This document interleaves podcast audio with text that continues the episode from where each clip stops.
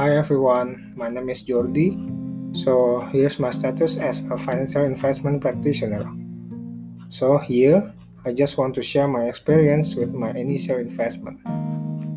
At first, I didn't really know what an investment was.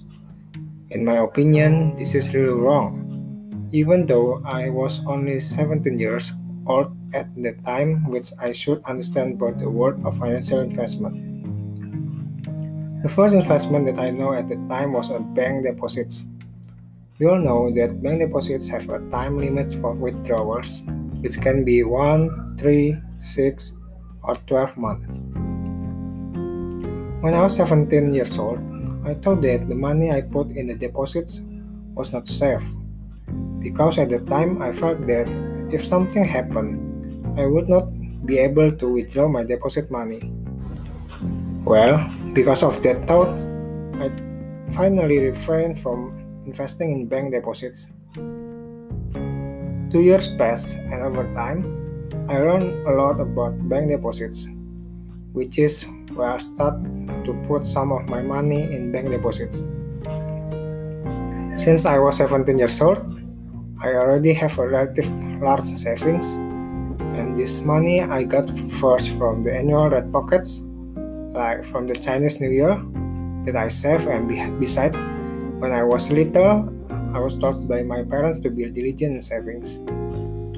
I still remember that when I was in elementary school, I was only given 2000 rupiahs per day for pocket money.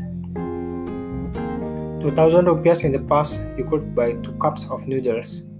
Don't think about 2000 rupiahs now. Well, from there, I started saving my pocket money for one month little by little. I don't believe that when I was 17, my money was already quite big.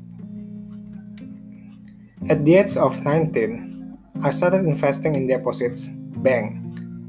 At that time, I tried to invest in bank deposit for a monthly period. After I invested in the bank deposits, I feel why the income is so small. So I started looking for other investment sources besides bank deposits. And I found another source of investment, namely stocks. The beginning story about my stocks experience comes from a university in Indonesia. At that time, there was security, maybe I don't need to mention this name, that over a free stock seminar. So at the time I was told to pay 100,000 rupiahs which later the money would be put into my stock account. Well, that's where I started looking for this stock.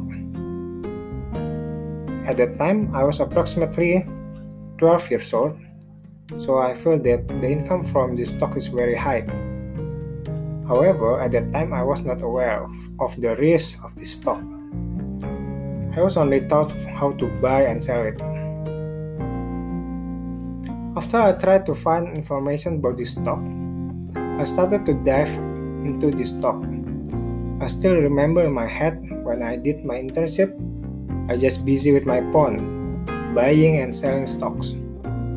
I only buy and sell according to people's recommendations. And if you want to know, at that time I only invested about 1 million rupiahs. Well, I started to try to buy and sell shares during my internship.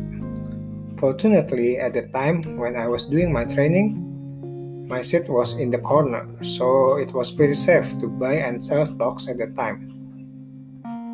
Because the money I invested was only 1 million rupiahs, of course, the return I got from the stock was not much. Imagine if the profit is 10%, then I will get only 100,000 rupiahs. When I feel comfortable, I finally started to add my stock count to 2 millions rupiahs, 3 millions, 5 millions, and so on.